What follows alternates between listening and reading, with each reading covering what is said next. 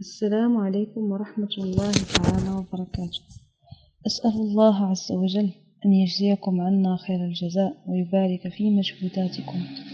اليوم جئت كي أشارك معكم قصتي مع كل ما تصدره كوريا الجنوبية تحت مسمى ال K-pop وال K-drama لقد كنت من الذين ابتلوا أنفسهم بهذا البلاء العظيم وقد حصل أن وصلت بدون شعور. والله يا إخوتي بدون وعي ولا سابق نية إلى المرحلة التي صارت حياتي كلها تتمحور حول هذه الأشياء. وهدفي الوحيد والأوحد هو السفر إلى تلك البلاد والدراسة فيها وغير ذلك من الأوهام والخيالات الفارغة. تعرفت على هذا البلاء في سنة 2012 أثناء ملاقاتي مع قناة كورية على التلفاز وكانت بالأساس موجهة للعرب. لأنها تعرض برامجها مترجمة باللغة العربية حيث تنوعت فقراتها ما بين موسيقى وبرامج ومسلسلات. ومن هنا بدأت أغرق. بعد مدة معينة انقطع بثها بدون سابق إنذار ومن شدة تعلقي بها ولكونها آنذاك السبيل الوحيد لمشاهدة هذه البلاوة حزنت عليها أشد ما تحزن الأم على وفاة طفلها.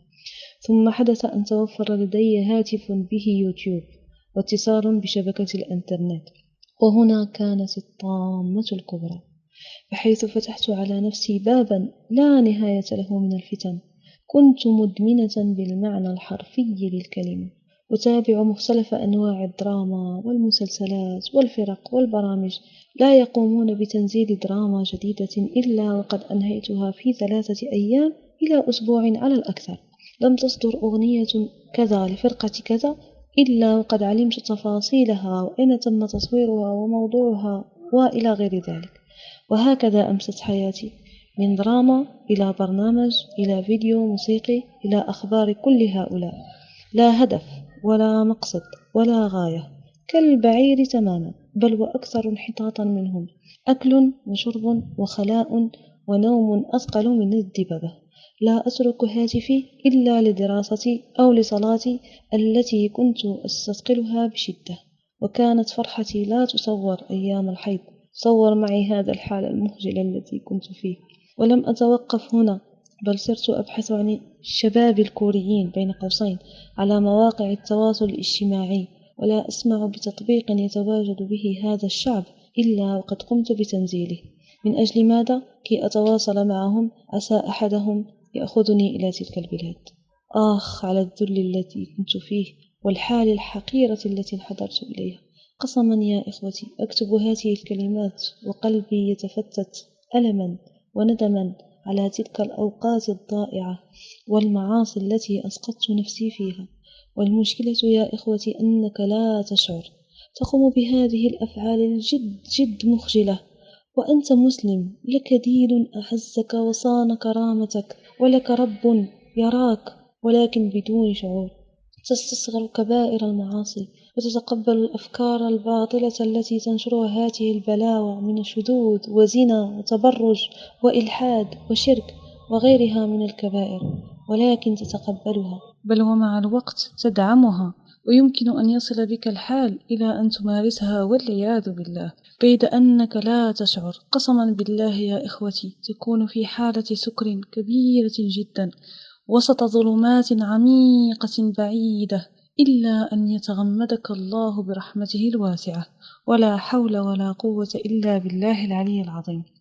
لذلك إخوتي تداركوا أنفسكم وما بقي من أعماركم وتوبوا إلى بارئكم. فوالله وتالله وبالله لن تجدوا أحن عليكم من الله سبحانه ولا أرحم بكم منه سبحانه وتعالى. قسما برب الكعبة لو جمعتم كل متعة كاذبة توفرها لكم هذه البلاوي في كفة ودمعة صادقة بين يدي الله تعالى في كفة أخرى لطاشت كفة الباطل ومن أصدق من الله قيلا. واعلموا أنه لا اطمئنان ولا حياة ولا سكينة إلا مع الله سبحانه. فاصدقوا الله بالطلب في قلوبكم بالهداية ورب الكعبة سبحانه لن يضيعكم فهو الكريم سبحانه. لا يبالي لا كم أعطى ولا لمن أعطى ولكن إذا سئل غيره لا يرضى عز وجل. وها أنا ذا أحدثكم بعدما يقارب الخمس سنوات من رحمة الله بي.